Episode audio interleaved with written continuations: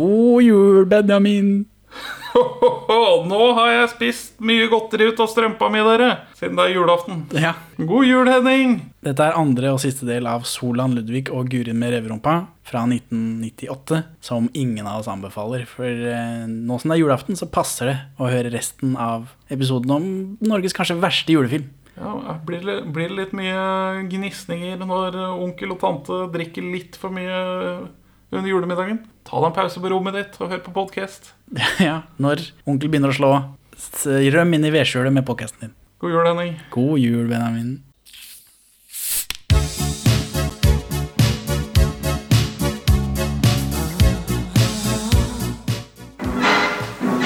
Perla for svin. Ok, inn i filmen. Nå orker jeg ikke mer bakgrunn. Uh, nå må vi til pine oss gjennom dette. Alt som har med originalen er borte, uh, det klassiske designet er borte, og musikken er borte. Ja, for her starter det med noe Det er ikke noe eh, munnspill her. Nei. Her er det film noir. Vi begynner med film noir-følelse. Inn i den skitne byen Oslo. Tegnet på Aukrusts vis. Ja, morsomme bilder av Oslo, vil jeg si. Men Og så treffer vi Solan, som er detektiv helt uten grunn. Arbeidsløs, praktisk talt. Ja, sånn er det jo i dette tid. Du sitter jo og venter til, på en fem fatal som skal komme.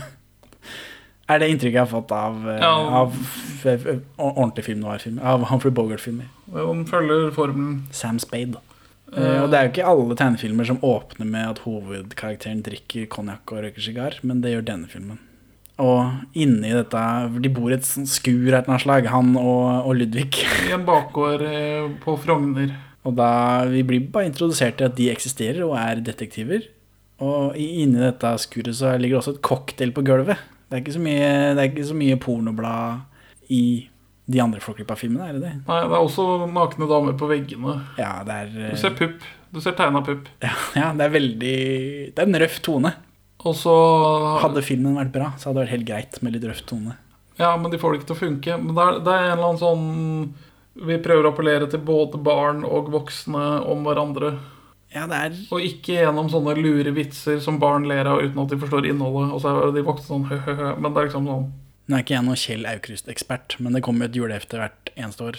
Og jeg mistenker at den gjengen som kjøper det juleheftet til seg selv, gamle, slitne folk, de setter pris på estetikken Ja. her sånn. Men så, etter at vi har etablert at de eksisterer igjen, våre kjente og kjære venner fra Flåklypa Grand Prix, så blir vi introdusert for en ny karakter, fjøsnissen Gurin. Eh, han bor et sted hvor det er veldig kaldt, det skal være Alvdal, tror jeg, sier de senere. ja og, så, og, og så setter vi stemningen med litt sånn spoken word stomp-greie. Et helt forferdelig musikalinnlegg. Har ikke noen nære venner, bikkja flekker tenner. Det er litt sånn midt mellom stomp og flau rapp. Som jeg mistenker at er et sånn Er i tiden på tidspunktet. Det var iallfall helt forferdelig. Han, han Den karakteren der synger en gang til, og det er like, like grusomt. Og så- men han er, men da, her er det en av få vitser jeg setter pris på. Og han, han disser politiet på et eller annet vis og sier at han får ikke sett mappa si. ja, Så han var antageligvis kommunist i Norge på 50-, 60- og 70-tallet. Det, det kan jeg like. ja, for han ramser opp en hel rekke ting som, som er grusomt for ham. Blant annet at de kan se på mappa si. Ja, politiet har gjemt den. Ja, for det vil vil jeg tro var i, i tida. Ja, ja for POT-saker er vel oppe Ja, for det er vel en sånn undersøkelseskommisjon over de hemmelige tjenestene. Jeg vet ikke hva det er, 90-tallet. men hva har dette i en uh, Flåklypa-film å gjøre? Det kan man spørre seg. Bikkja mi uler og flekker tenner, og ikke får jeg se mappa mi. For den har politiet gjemt på si. Gurin er avhengig av å gjøre revestreker. Ja. Det er hans store last i livet. Eh, og, han, og det er bare Det er ikke det verste. Det er ikke de verste pranksa. Det er ikke Big Brother-pranks, dette. Nei. Men det er jo sånn litt småirriterende. Eller Han spiser opp masse lefser. Det er det verste han gjør. Spiser opp julebakst. Ja, han, han, han oppfører seg dårlig mot de han får bo gratis hos. Ja, Det er et poeng. ja fordi som fjøsnisse så driver man jo med revestreker. Ja. Eh, Og Og det må man på en måte godta hvis man har en fjøsnisse på, i fjøset? Er det inntrykket Ja, men jeg fikk? er- Og det er noe av reglene rundt fjøsnisser. Er ikke, er ikke regelen på fjøsnisse at du bare må sette ut mat til jul, og så skal de se over deg og dyra? Ikke i denne filmen, i hvert fall. Men når vi først er inne på denne lefsespisinga Animasjonskvaliteten i den filmen her, hvordan vil du beskrive den? Helt jævlig. For dette Det er on, eh, on par med det musikalinnlegget. Ja, Det er slett. Det, det, dette minner mer om den derre den tsjekkiske eller tsjekkoslovakiske muldvarpserien enn Disney. Ja, ja, ja. Altså, det er langt ifra Disney. Hanna Barbera pleier jo liksom Det blir sett på som et billig, eh, billig tegneserieproduksjonsselskap. Men det er på en måte renere enn dette. Det virker som her har de lagt mer arbeid i det og gjort det jævligere. Eller fått det jævligere. Ja, for Hanna Barbera de nedprioriterer bakgrunner, men For passer på å bruke nok eh, penger på de selve bevegelsene. Eh, knapt. Det er en grunn til at Yogi Bjørn har slips. Ja, Det er for at da kan de animere hodet for seg selv. Så sparer de, sparer de celler på kroppen.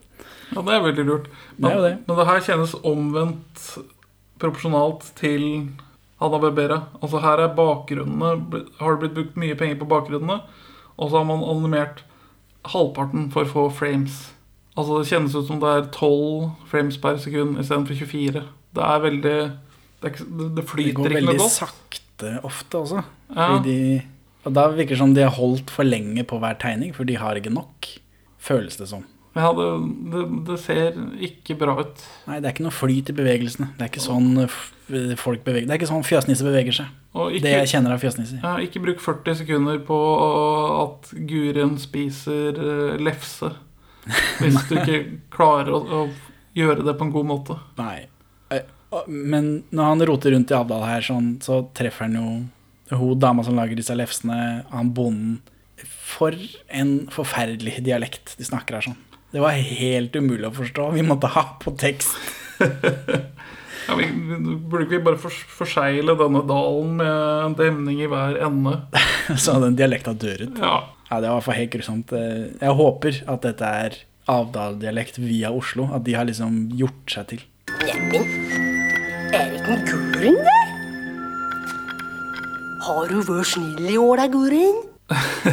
ja men altså, når vi hører alle folk snakke, så høres det jo sånn ut.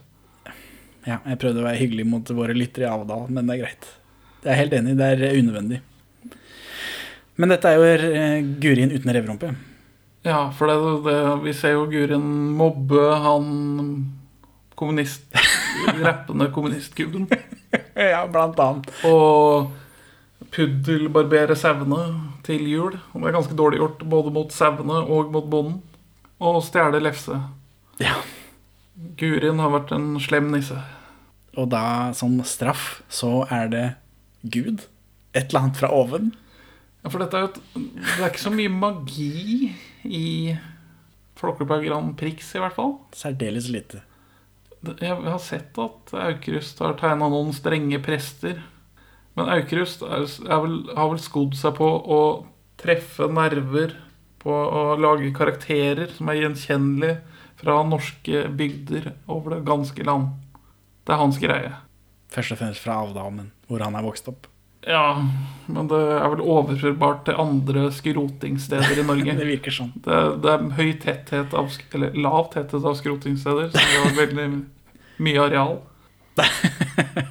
Men, men ja, ja det, det, jeg, føler, jeg føler ikke liksom Er det noen som tror på Gud i Flåklypa Grand Prix? Jeg vet ikke, jeg føler det er bare det er, Han får det som kommer til han. Det er Men senere i filmen så driver jo Ludvig faktisk og ber til Gud. Ja, men han er jo en veldig koselig type. Ja, ja, men Jeg tenker den reverumpa til Gurin er karma, jeg. ja. Revestreker. Han driver med revestreker, sier dem, og da får han jaggu en revehale. ja. Som gjør det virker som det gjør vondt. Eller han blir, han blir vel skremt. Han blir skremt. Det er det han blir. Fordi hva i svarte er dette for noe? revner ut av buksa. Ja, han er svær òg. Han er ganske liten, riktignok, men den halen er svær. Du vil ikke tro det Jeg har i min tjeneste ved barneklinikken på Tynset sett mye snodig komme til hverdag, men dette Og så eh, får dette skje på natta, og så dagen etter så ja ja, jeg får leve med dette da. Ja, eller først er det en forferdelig mus som observerer han og ler og Ja, prater med verdens verste stemme. Som gir beskjed til et nettverk av dyr som deler dette med seg imellom. Ja. Og da kommer den ekleste hesten i filmhistorien. Ja, den ser jo helt forferdelig ut. Det er stemmen, eh, Det er Trond Brenne som har stemmen, som du spotta helt riktig. Eh, og han er jo Redor i Jul i Flåklypa. Ja. Før han, eh, han eh, tar kvelden etter den filmen. Så det er ikke han som er det i de andre. Når når jeg først fikk med at Trond Brenne hadde sparka bøtta, så tenkte jeg Norsk filmkis care. Takk og farvel. Men i ettertid så har jeg blitt lei meg. For jeg liker han som stemmemann. Han er god til å gi liv til karakterer. Men ikke, men ikke denne karakteren, for den, det er noe av det styggeste jeg har sett i, på hestekanten. Når det gjelder animerte hester, ikke bra. Nei, nei, nei. nei. Og så sa du i den bakomfilmen at eh, noen karakterer har vi ikke liksom, Kjell Aukrust-belegg for å lage. Det er ikke basert på Kjell Aukrust, for han har ikke tegna hest noen gang. Nei, Så det må vi bare finne på, og det syns. Ja, Om ikke de andre karakterene her er stygge i bevegelse, så er den hesten her stygg når den står helt stille. sliten gamp, er det det de går for? Det det blir bare ekkelt. De har prøvd å late og prøvd å imitere den Kjell Aukrust-stilen over på noe han ikke har tegna, men så er det ikke Kjell Aukrust. så De får det ikke til, da. Eller så er, kanskje det er en grunn til at de kan ha tegna hest. Fordi det ser helt jævlig ut. Ja, men fra bakom-filmen så virker det som det meste av dyrekarakterene er noe de har måttet finne på. Ja, ja. Så det virker som det er ikke det Kjell Aukrust som regel gjør. Nei, det er jo sånne raringer. Og og Solan og Ludvig er ikke akkurat naturtro kopier av artene de tilhører. Nei, for dette er en hest uten klær. Ja, Og jobb. og sigar. Dette er bare en helt vanlig hest som står på låven. ja for det, ja, det, det henger ikke på grep. Nei. Men dette dyrenettverket, de prater seg imellom. Det går videre mellom det er noen skjærer Noen skjærer som ikke har jobb og klær og røyker sigar.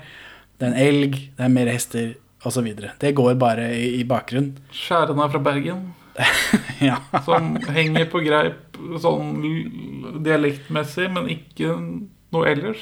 Nei, det er for å vise kanskje at dette ryktet om rumpa til Gurin går.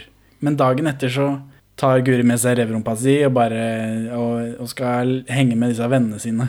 Og da er det han da som blir pranka fordi han har en revehale. Som er variabelt følelig. Tydeligvis.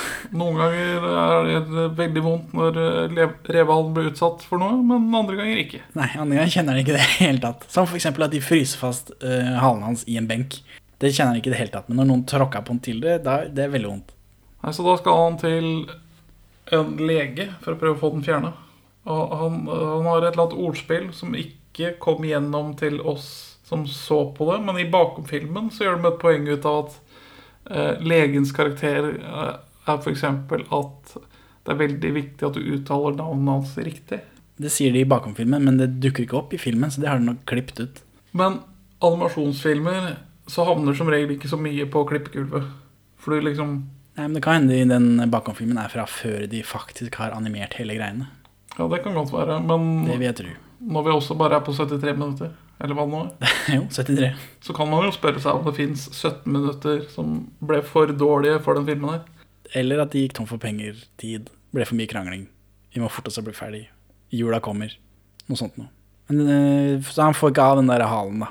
Men det virker som det skjer ikke så mye i- i bygder, for den halen til Gurin er det morsomste hele den bygda har sett. De ler og ler. Gurin må liksom Han må være trist og lei og gå hjem fra denne legen, og de ler! Alle står langs kanten og ler og peker på han. Og da blir han enda mer lei seg. Men det høres ut som bygdedyret, det. Jo, jo. Så det er vel noe kritikk, kanskje. Musfella. Hva er det du med den, da? Jeg pakka inn i avisa. Ja. Og da bonden skulle sette seg og lese avisa, Og så, da? så fikk han seg en smekk over fingertuppene. Hva gjorde du gjorde da? da? Han skrek. Fikk du bank, da? Så er vi tilbake i Oslo, og vi treffer Wenche Foss, som eh, gjentar sin rolle fra, eller fra originalen, fra Folkegruppa Grand Prix, som enkefru Stengelføn Glad.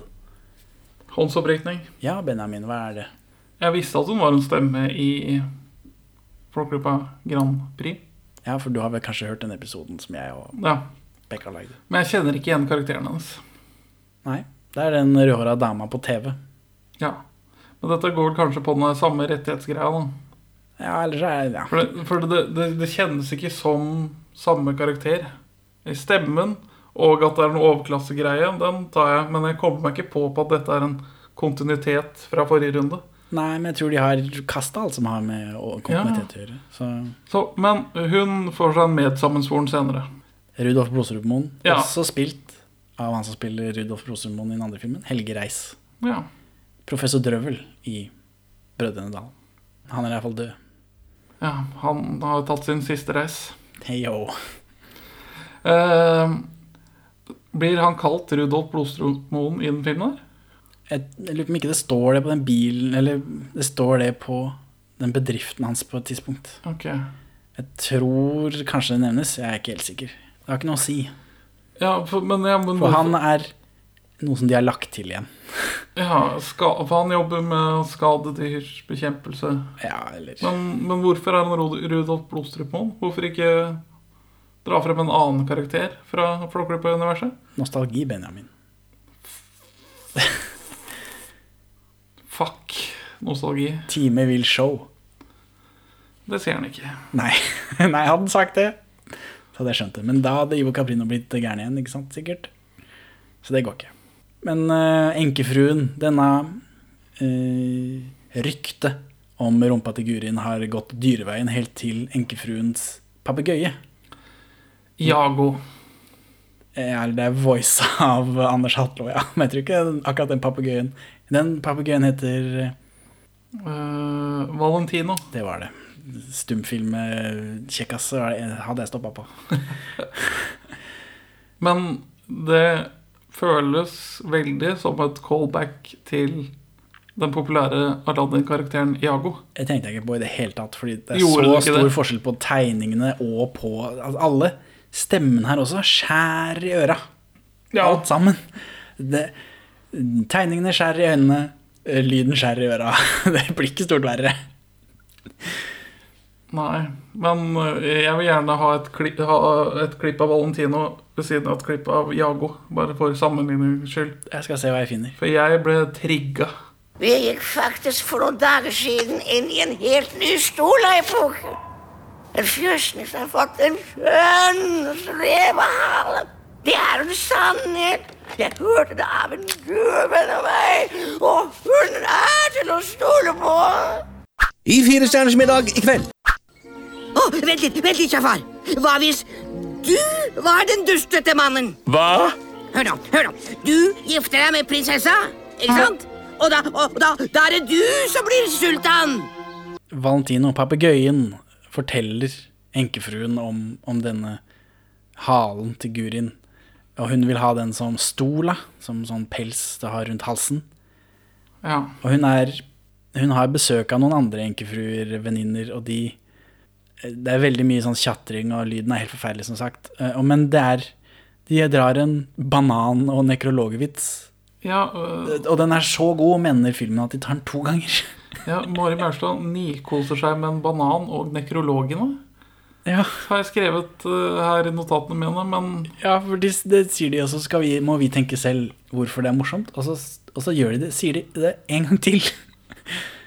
Akkurat samme vitsen uten å bygge på det. Men her er det at Mari Maurstad onanerer med en banan mens hun leser nekrologene. Hvem vet? Kanskje hun spiser banan mens hun leser Ja, nekrologene. det, det er vel å foretrekke når jeg tenker på. Men det gir jo ikke noe mening uansett. Og så mater de den papegøyen med valium. Så det er sikkert ikke bra, det heller. Ja, det, det er vel mer. Det er vel en pillecocktail av en annen verden. Det Jo, jo, men Med- valium blir nevnt.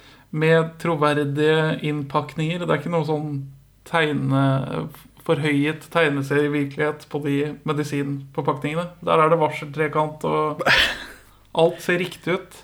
Og det blir litt Ja, for de mater han pillecocktail for å få han til å spå hvor Det er litt usikkerhet om hvor det, og Gurin befinner seg, for det har ikke de dyra sagt. Nei. Bare at det er så kaldt at, eh, at stjernene skjelver. Og det er det de får fram der, da. Og så er det tilbake til Solan igjen. Er det en faktisk effekt på nattehimmelen? Nei, det er det ikke. Fordi de sier dette, og så klipper vi over til noen stjerner og greier, og de står helt stille. De skjelver ikke. Er jeg, mente ikke på en effekt gjort i filmen, men er, det en optisk effekt av at det blir veldig kaldt? For jeg har hørt det uttrykket der ja, nei, det, Kanskje jeg bare har hørt det uttrykket her i den filmen her når jeg så den som barn. det Når jeg tenker meg om. Det kan hende. Nei, men Om det er en faktisk optisk effekt, eh, han derre litt lespende astronomen, hvis du hører på, send inn. Jo, her satt jeg i morges og nykoste meg med en banan og nekrologene, og hva får jeg se?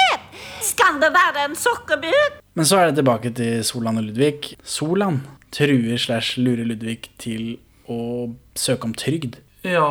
For det driver de med da, når vi hopper tilbake dit. For, så da Ludvig driver og skriver brev, han skal søke om trygd. Og Ludvig er veldig bekymra, selvfølgelig, for det er det han gjør. Han skal søke om dagpenger også, sånn spesifikt. Ja, for han jobber hos eh, Solan og får ikke betalt, antar jeg. Men jeg husker ikke om det er her, eller om det er i den første Solan-monologen, hvor han uh, raljerer over velferdsstaten. Han er negativ til den. Ja, Han er negativ til den flere ganger, tror jeg. Ja, Jeg vet ikke, han, han er, Det er en krass type. Hvem er det som har stemmen til eh, Solan her? Det har vi diskutert i Absolutt eh, blåmandag. Det er Grete Kausland, ja. Det er helt riktig. Grete Kausland, første og eneste gang hun har stemmen til Solan.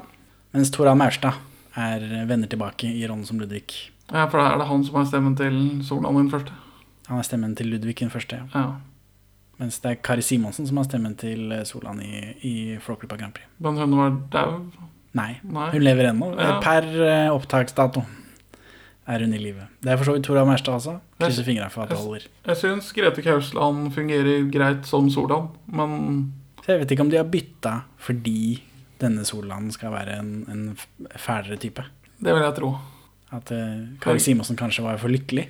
Grete Kausland får en litt mer sånn noir-skittenhet over sin Ja, hun, eh, hun røyker kanskje mer enn Kari Simonsen eh, gjør, siden hun døde tro. før hun var 70.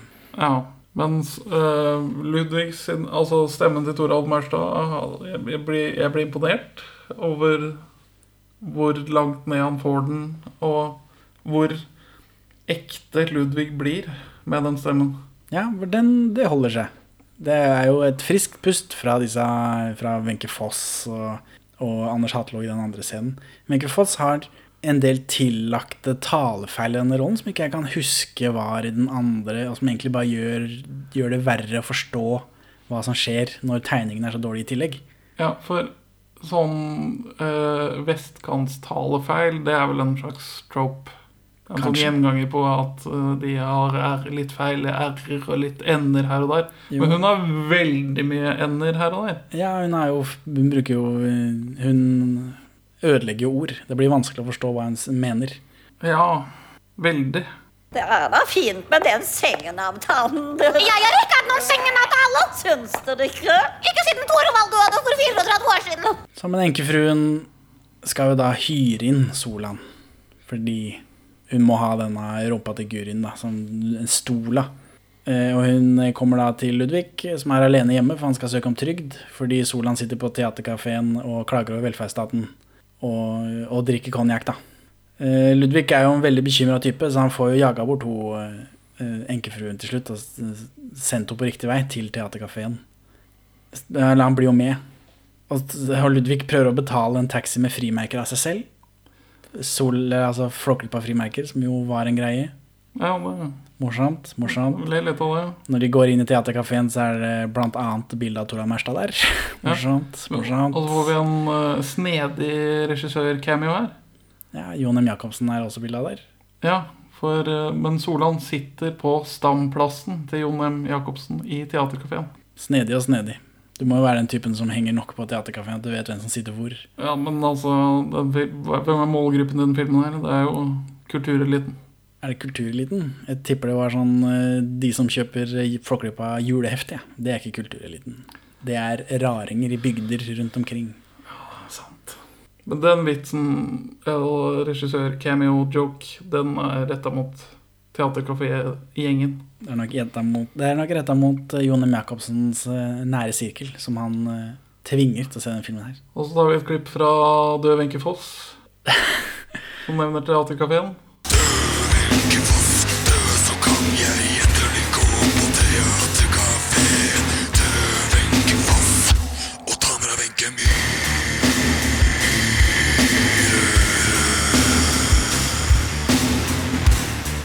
Det blir vanskelig å flette inn, kjenner jeg. Men ok. Vi får prøve. Men her, Ludvig kommer inn sammen med enkefruen der, og så er det en kunstnerisk og fin fiolinmusikkvideo. Ja, en psykedelisk uh... Jeg fikk sånn Frans eh, Hva er det? Widerberg? Vigeland? Widerberg. Han som bare maler i, i rødt, eh, gult og blått. Eh, Følelse på det. Eh, Men den var fin å se på. Ja. Musikken var ikke det verste. Eh, Bildene var fine.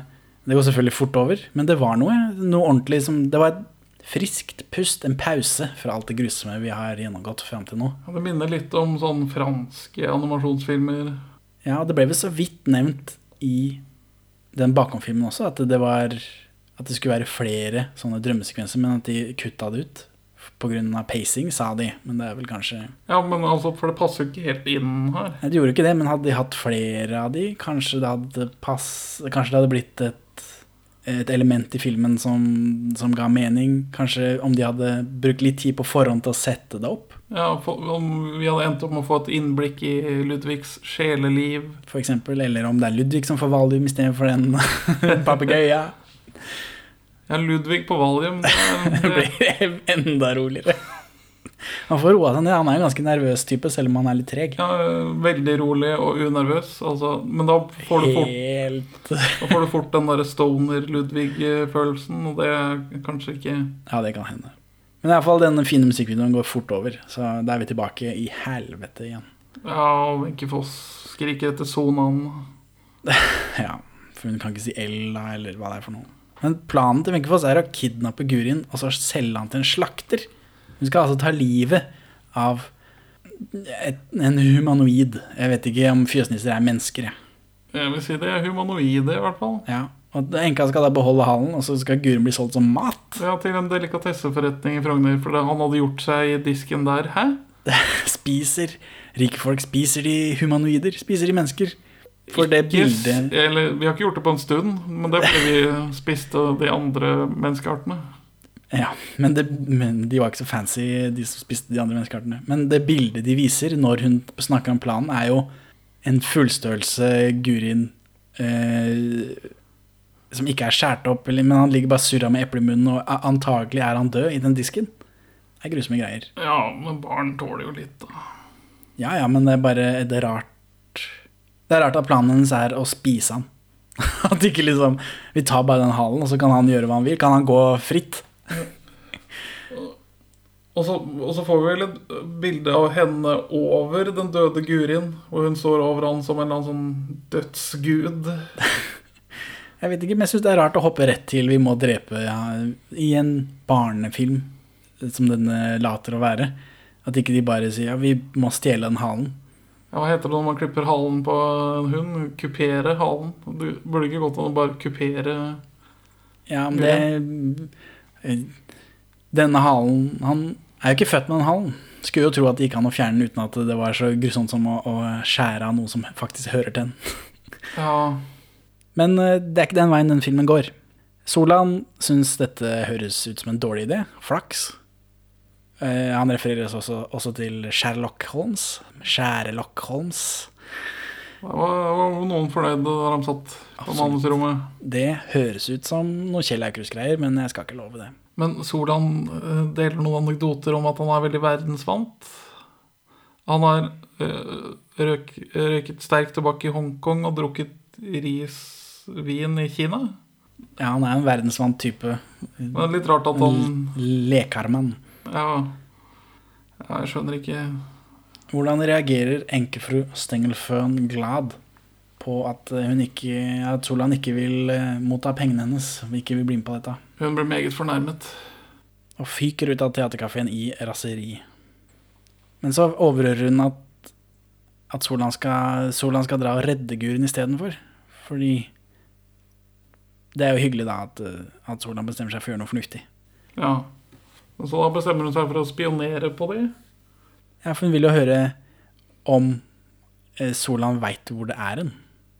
Hvis han skal redde Gurin, så må han jo vite hvor Gurin er. Hvordan de skal komme seg dit. Men det gjør han jo ikke, for det eneste Solan eh, finner på, er at vi må dra til Redor. Redor kan finne ut av dette. Han kan finne på et eller annet som kan finne ut av dette. Det er jo i henhold til hans karakter. Det er det. Så da, da bærer det til Flåklypa eh, og Reodor eh, Felgen.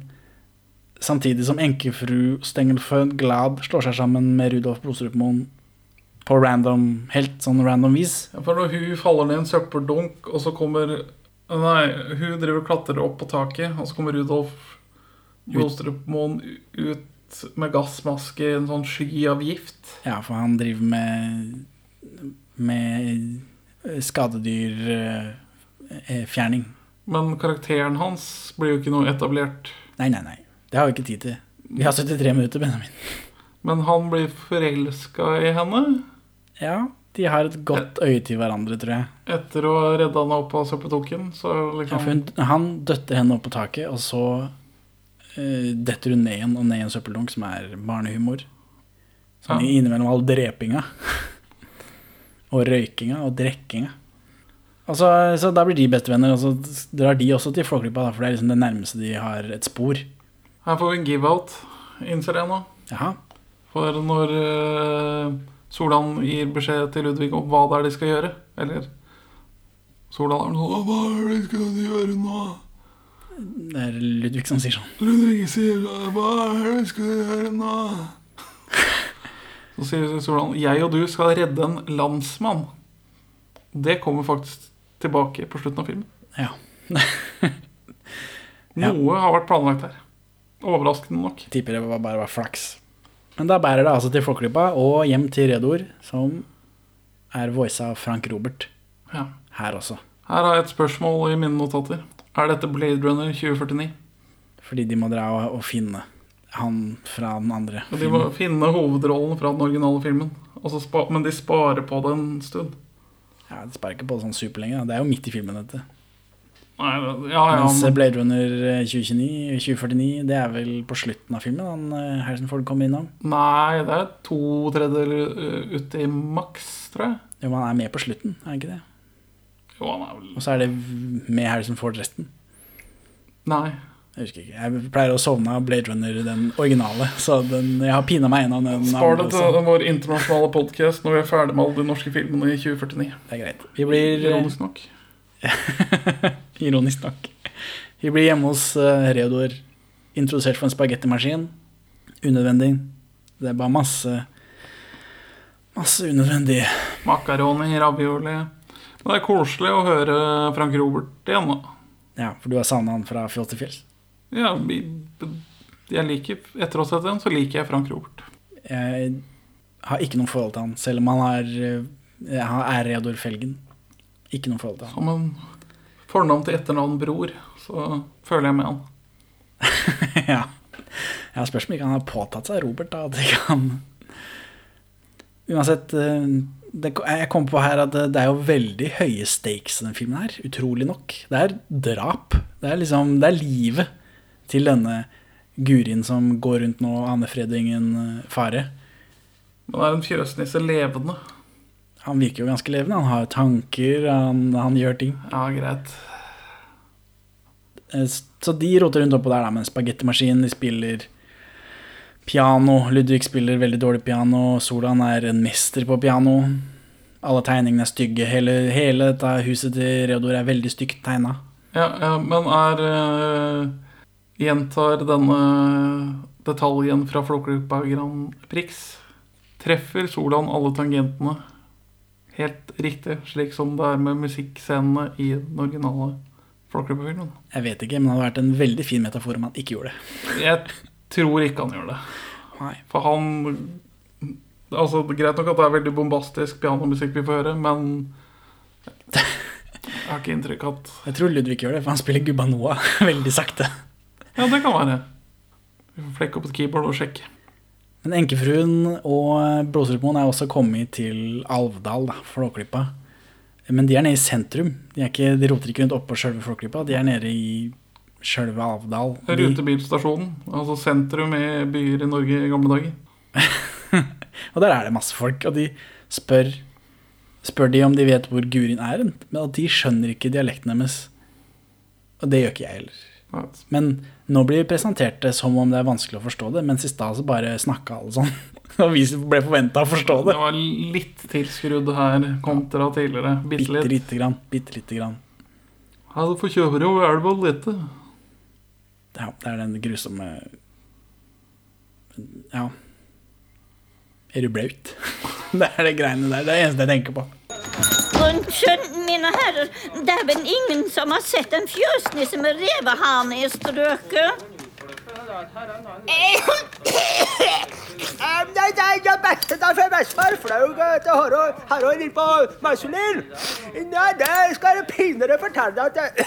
Hva er det du mener er spist spæ? Mens eh, hva finner Reodor på da, for at de skal finne en eh, Gurin med revrumpa? Han tar seg en natt på verkstedet og finner opp en revehaledetektormaskin. Ja, en revehaledetektor som går på ben, den kan fly. Den er, det er, den er veldig tydelig ikke en del av den originale historien, som, eh, som virker å være mye mer lavteknologisk. Men, eh, og den er, det er sånn typisk Reodor Felgen-oppfinnelse med at man ramser opp lista av eh, hvilke funksjoner den har. Ja, den kan gjøre alt mulig rart. Finne av både den og andre. Men jeg, jeg leste et sted at eh, det er ikke Kjell Aukrust som har laget den, men det er han som foreslo at den skulle kunne fly. Og sånn sett har bidratt litt. Ja, Bidrar nok til at ikke de kan bli saksøkt av Ivo Caprino. Men på premieren til filmen så kommer det en flåklippa nerd av en major, om jeg ikke husker feil, Selvfølgelig. fra Luftforsvaret, Selvfølgelig. og presenterer en modell av denne revehaledetektormaskinen i Luftforsvarets farger, med sånn Luftforsvaret-rondell, og med et forslag om at den kan bli erstatningen når F-16 fases ut. Humor. Så- Eller mente han det? Jeg vil anta han ikke mente det, men det er jo litt sånn Altså, Flåklypa-universet kan bevege mennesker. Men for det er den sekvensen her med den revehaldetektoren, hvor de flyr rundt, og den barberer en bikkje, eh, og det og det, det er mye action, det er problemer med å, å, å styre denne greia. Den sekvensen her blir jo vist på TV i jula. Sånn bare som klipp i forbindelse med når de viser sånne klipp på NRK. Ja. Jeg antar det er fordi Redor er med, men det er jo kanskje den minst julete delen. ja, men det er jo samtidig den mest dynamiske delen, som fungerer alene. Hvilke andre sekvenser fra den filmen her fungerer alene? Nei, jeg vet ikke. Han uh, rappende fjøskommunisten. Ja, to uh, ganger to, da. Begge de sekvensene hvor han uh, Å, hyttetty, og opp hyttetty, her er det stusslig, kan du tru. Som jeg antageligvis rir på en bølge av sånn stomp-popularitet og sånn norsk dikterbølge på 90-tallet som vi har glemt nå, av gode grunner. Jeg tror du legger for mye i det. Det er Jeg vet ikke. Jeg, det er det grusomste jeg har hørt på lenge. Jeg vet ikke om det har noe med at det er mye sånn Baltikum-folk med i dette. Er det de som har lagd musikken? Er det de som har ikke forstått det norske språket eller toner? Ja, Det hadde vært kjekt å kunne skylde på at de som har lagd den, ikke forstår norsk. Ja, det er jo en flerkulturell produksjon, og en skotte og Ja, men så er det Anders Hatlo som har liksom fått kreditten krediten for dialogen, så jeg vet ikke. Eller for dubbingen. Ja, men Whatever. Og, og her er det igjen noe mer kritikk av staten. Eh, Redor sliter med ligningssjefen i Hedmark og Oppland. Ja, stemmer. Men, men For det, han, virke han fyrer i peisen med, med brev fra, fra skattemyndighetene. Ja, men dette er sånne ting du må virkelig må følge med på. Men så Men dette er jo Aukrust-humor, antar jeg. Ja. Men så driver Ludvig og ber til Gud etterpå om at Ja, han ber aftenbønnen sin. Ja, og da ber han om at Gud skal ta til seg ligningssjefen i Oppland og Hedmark litt tidligere. Ja, ja dette her Det er Aukrust-humor, som sagt. Det kan jeg være med på. Altså Det er jo morsom. Han er, Ludvig er en morsom type. Han ber om morsomme ting. Han er godslig og, og koselig, og det er liksom Den biten er jeg med på. Men når de flyr rundt i den der Reval-detektoren, så blir Ludvig blir skutt ut med et uhell. Ja. Selvfølgelig. Mens den sjølve detektoren lander naturlig nok i en revefarm. ja, den har funnet sitt mål. Ja. Og Her er det noe sånn rar 3D-grafikk ute og går. Og det. ja nei, uff. Og da klipper vi tilbake til Gurin, som fortsatt blir eh, mobba. Mens han bor jo på sted hvor det er snø overalt. Så det er mye mer julestemning i den filmen her enn det er i Flåklypa Grand Prix. det er det. For Flåklypa Grand Prix er jo en bilfilm som vi av en eller annen mystisk grunn sender to ganger i jula. det er vel Disney har, har klart å skape en kobling mellom animasjon og høytid. Og så har vi liksom ikke hatt noe annet å by på. da Nei, men nå har vi jo Norges første helaftens tegnefilm her. Sånn. Jeg, jeg Problemet vet ikke om den går i jula, denne her òg. Nei, det gjør den jo ikke, fordi den er veldig dårlig. Ja. Den fungerer når den har hype og folk er klare. Men med en gang den har lagt seg, så er det ingen som drar opp den her som en klassiker. Nei. Men Gurin står på ski, da. Her sånn. På vei langt oppover et fjell. Ja. En altfor lang sekvens, faktisk. Som skal bare representere at han går veldig høyt opp. Men den trenger ikke å være så lang. Dette er padding. Nille. ja men, Og Jon. Men, men det, det, det her er jo rett ut av boka. Ja, det kan jeg tenke meg. At han rusler opp på det fjellet. For da den viser i bakom-filmen en sammenheng mellom fjellet i boka og fjellet her. Ja. Så, men hvorfor skal han opp på dette fjellet, da? For han blir jo mobba mye. Han er lei av livet. Jeg antar at han skal henge seg eller noe sånt. Og få han sett på det. Jeg hadde ikke forundra meg det spøtt. Nei, nei, det er naturlig utvikling. Nei, han har jo tenkt til å binde fast uh, denne halen og sette utfor. Ah, ikke halsen. Nei. For da, altså, da, da hadde, det kunne han ha gjort i det Jo, men han vil jo ikke, han vil jo ikke forstyrre bygdedyret. Det vil han vel. Nei, han, han er jo lei av de. Han vil henge seg et sted hvor han blir hengende lenge og blir spist. Men det er jo en bra revestrek å dra mot uh, utleieren din. henge seg i fjøset hans. Ja. Det Altså Ja, ja. Men det var ikke det han skulle allikevel, da. Det var bare, det var bare det jeg trodde. Fordi dette er verdens dårligste film, og han orker ikke å være med mer i den filmen. Men han binder fast halen sin, og så setter han utpå på ski. Og så får vi en, eh, en actionsekvens, er det det der? Han kjører ski. Den sekvensen her kunne jo vært med i jula i- istedenfor, men det er jo ingen karakterer vi kjenner igjen. Da. Det er kanskje det som er problemet. Det er jo bare Gurin.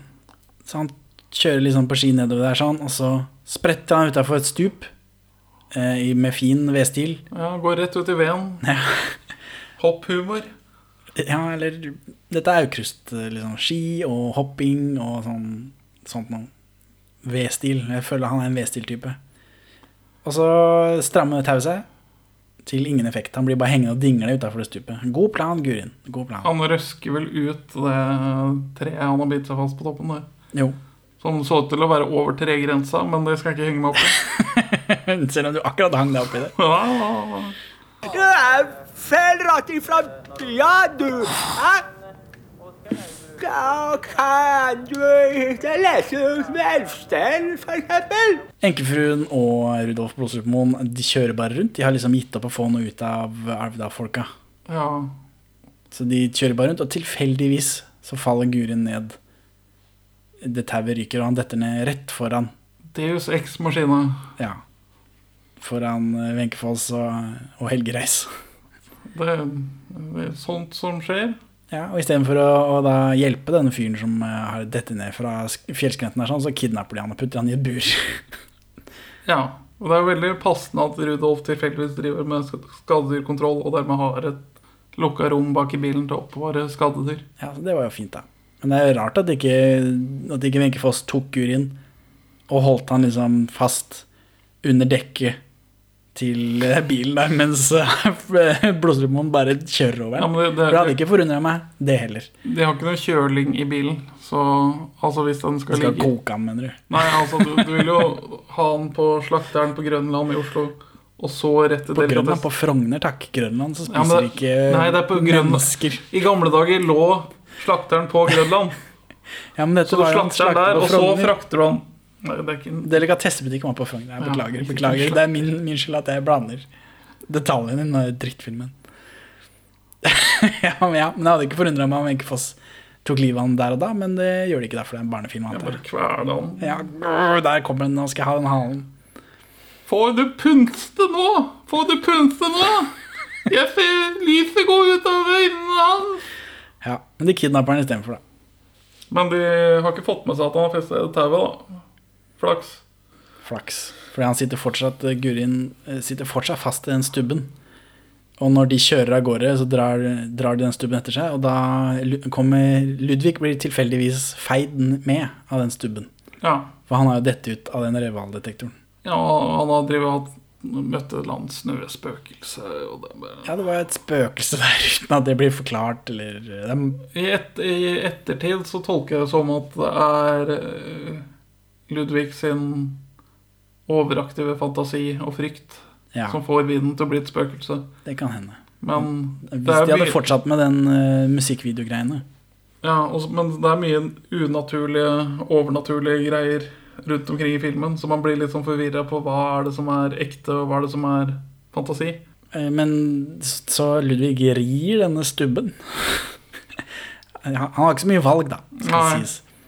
Eh, Helt til den stubben setter seg fast eh, i, i noe annet igjen. Og da blir Gurin røska ut av eh, det er bagasjerommet til eh, Så han er, han er redda da, eller?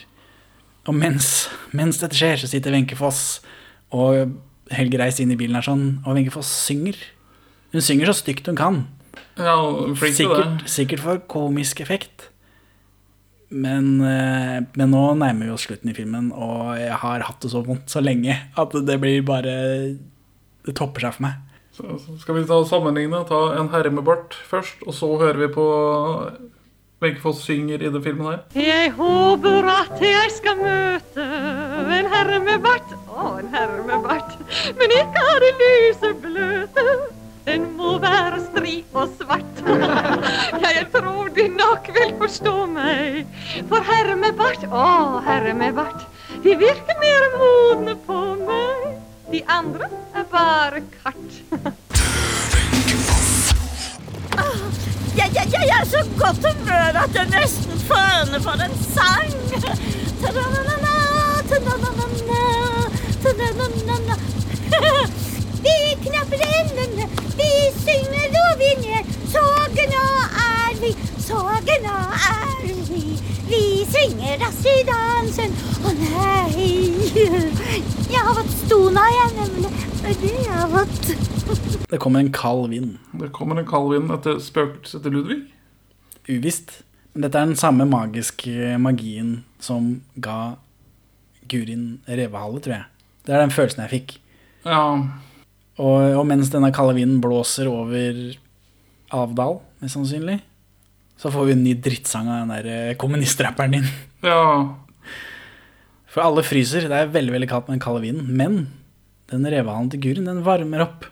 ja er, det, er dette en sånn kritikk av bygdedyret? Er det liksom det det skal henspille på? Det er vel, akkurat den biten her er vel for at Gurin skal lære seg en lekse, men om hva, det vet jeg ikke. For han har eh, vært revestrekketype, og så blir han mobba. Så da blir han lei seg, så da skjønner han kanskje hvordan folk føler det når han barberer sauene deres. Jeg vet ikke. Han, han har lært, liksom. Ja, og så istedenfor å være drittsekk mot alle hele tiden, han også, så inviterer han folk inn i fjøset sitt. eh, Hvor fjøset hans som er helt utrolig varmt av denne halen. Så det inkluderer alle hester og elger og mus, alle karakterer vi noensinne har sett. Mobberne, disse vennene hans som mobberen, enkefruer, Rudolf Blåserudmoen, alle skal inn i det der fjøset.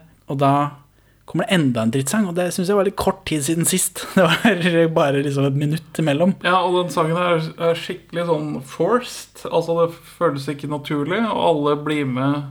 Og Så, så synger de om rumpa til Gurin. De syn- Er en hale en rumpe? Jeg tipper på Alvdal-dialekt. På Donald-språket. Så, så er det nok det. Sier du halen på hun der som går forbi? Er det kommet sånn? Jeg vet ikke. Jeg vet ikke. Jeg, men det høres ut som Donald-språk. Det høres ut som eh, Vågå-ordfører. Eh, noe en Vågå-ordfører kunne skrive på Skype til en tolvåring.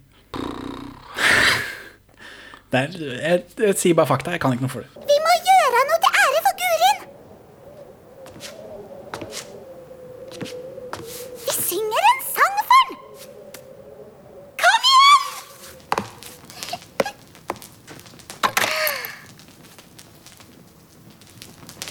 Ja, takk skal du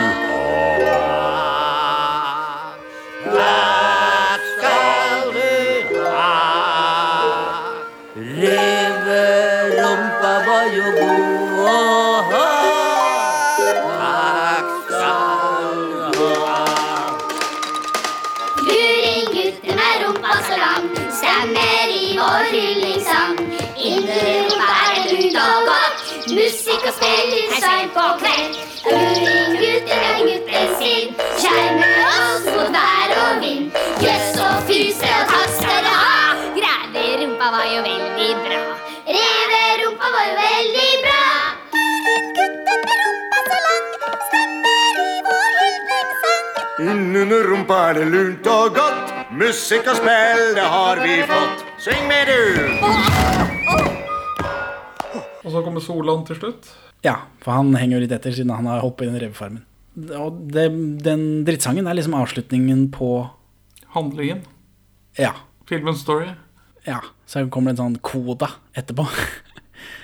Hvor Solan, Ludvig og Gurin eh, har på seg bunad, og de kommer til slottet fordi Gurin har berga så mange av sine landsmenn i, i denne kulda.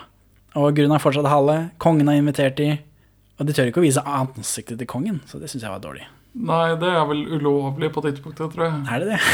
er, det det? er det sånn uh, Thailand-kongeregler her? Ja. Majestetsfornærmelse. Er det majestetsfornærmelse å ha med han i en flåklypa? Kong Harald Bumpibul. Ja.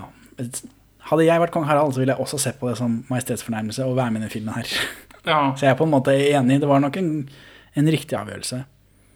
Gurin får medalje, og så når de skal gå ut igjen, så setter halen seg fast i døra på slottet. Og den blir bare igjen. Og så får vi en sånn voiceover av Solan at det er ingen som vet hvor den halen ble av. Og så på 17. mai da, så står dronning Sonja der med den halen rundt halsen som stola. The end. Hvorfor, hvorfor får de medalje? Eller nei, Guri får medalje. Ja, Kun han.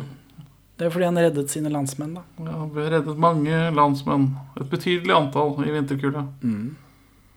Ja, nei, eller, her, her får vi òg første gang eh, de, de, de kommer helt til slutt, og så, og så innser de Oi, vi har kun fremstilt røyking som kult. Hele veien. Det er litt sånn dårlig en barnefilm.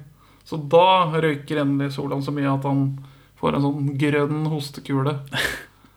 Men Og så får vi den Vi får en sånn Etter rulleteksten så vel en sånn spesiell takk til Slottet, som kan ta en spøk. For at ikke de skal bli tatt for majestetsfornærmelse, da. Ja, men de har vel spurt han Hoff Hoved-Hoffkisen. Jeg husker ikke hvem det var på tidspunktet. Nei, hvorfor det? Kan du ikke bare Slottet stå der? Du må jo gå an og tegne Slottet. Kongen er det også, må gå an og tegne han òg. Ja. Han er jo en offentlig person, på en måte. En særdeles offentlig person. Det er Trynet hans er på alle 20-kroninger. Ja, jeg har jo sagt at jeg har fått nytt høreapparat. Ja, jenter, her har du meg. Og I filmens bakomfilm så fremhever de moralen til historien her. Hva er moralen? Det er det Gurin-greiene. At du må være snill med folk. Hvis ikke så får du reverumpe, og da vil folk være slemme med deg. Og så må du være snill med folk etter at folk har vært slemme med deg. Så blir den rumpa borte, og alt er bra. Det, det, det er moralen man skal sitte igjen med. Det tror jeg. Vær vær, hvis du er slem med folk, og de er slemme med deg igjen, så må du være snill med dem igjen. Sånn Nei, du, er slem, du er slem med folk først, og da vil det gå deg galt. Og så vil folk være slemme med deg fordi det har gått deg galt. Fordi du har vært slem med dem. Og da må du være snill med folk, og da er alle snille. Jaggu. Herved bevitnes at jeg er undersøkt av indre- og ytremedisiner over- og underlege, men først og fremst privatdetektiv Solan Gundersen. Var Kjell Aukrust dement da han eh, ga grønt lys til den filmen her? Det er litt vanskelig å si gjennom den Avdal-dialekta, men jeg tror ikke det. For altså, det er jo ikke et suksesssamarbeid her. Altså, Det kan ikke han vite på forhånd. nei, nei.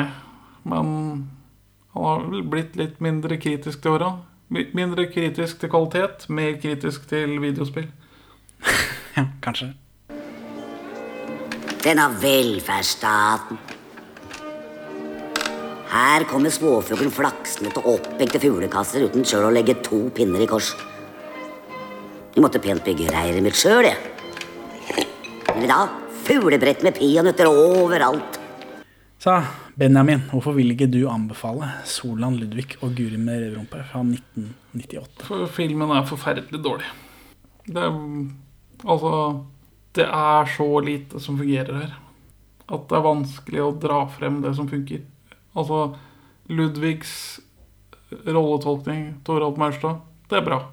Noe av bakgrunnstegningene er veldig fine. Av, noe av musikken er hyggelig. Men Ja, det er en del folkemusikk sånn i bakgrunnen her, sånn som klistra på, sol, eh, på Gurin som går i fjellet. Blir veldig sånn nasjonalromantisk. eh, Det går an å overleve. Men jeg skjønner virkelig ikke hvorfor man valgte å lage en film på et så tynt utgangspunkt.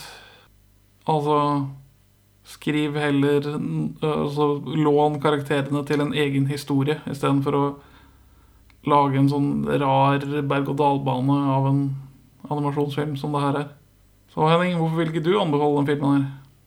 Hvorfor vil ikke jeg anbefale dette, Benjamin? Det er fordi det er stygt å høre på, og det er stygt å se på. Jeg kan, det går ikke an å anbefale dette. Filmen vil tilby Flåklypa nostalgi, men den tilbyr Flåklypa voldtekt. Ja, godt sagt. Det er helt grusomt. Animasjonsstilen er helt jævlig. Tegningene er stygge. Bevegelsene er rare og rykkende. Dubbinga er helt grusom. Uh, musikaldelen er helt forferdelig. Dette er et hån. Et hån! Ja. Med, men jeg må gå og spise ribbe, Benjamin. Det skal bli godt med litt deilig svor nå. Ha det bra. God jul og godt nyttår. God jul og godt nyttår. Takk for at du hører på Perler for svin. Du finner oss først og fremst på perleforsvin.no, men også på Twitter under perler-for-svin, Facebook som perleforsvinpod, eller du kan maile oss på perleforsvinpod at gmail.com. Gi oss gjerne en eh, rating i din lokale podcast-avspiller, og, og legg igjen en beskrivelse, så folk skjønner hva det er for noe tull vi egentlig driver med. Her er ukas Pål Bang-Hansen sitat ute av kontekst. Jula tilhører barna, og barn er utålmodige. Flåklypa Grand Prix er for øvrig nettopp kåret til tidenes mest solgte norske videofilm. Og Har du lyst til å skaffe deg deg din egen kopi, så kan du bli med i vår Flåklypa-konkurranse på God kveld Norges internettside. For den heter Rumpa og ikke Rumpa, mener jeg. Den er omtalt i begge former på, i, i avisene i sin samtid, men den heter da med rumpa, ikke rumpa. Jeg sier rumpa uansett. Det er ingen som sier rumpe. Bortsett fra enkefru Stengelføn Glad. Ja, Wenche Foss skal finne på å si rumpe. Jeg ser på at Wenche Foss sier både rumpe og sæd.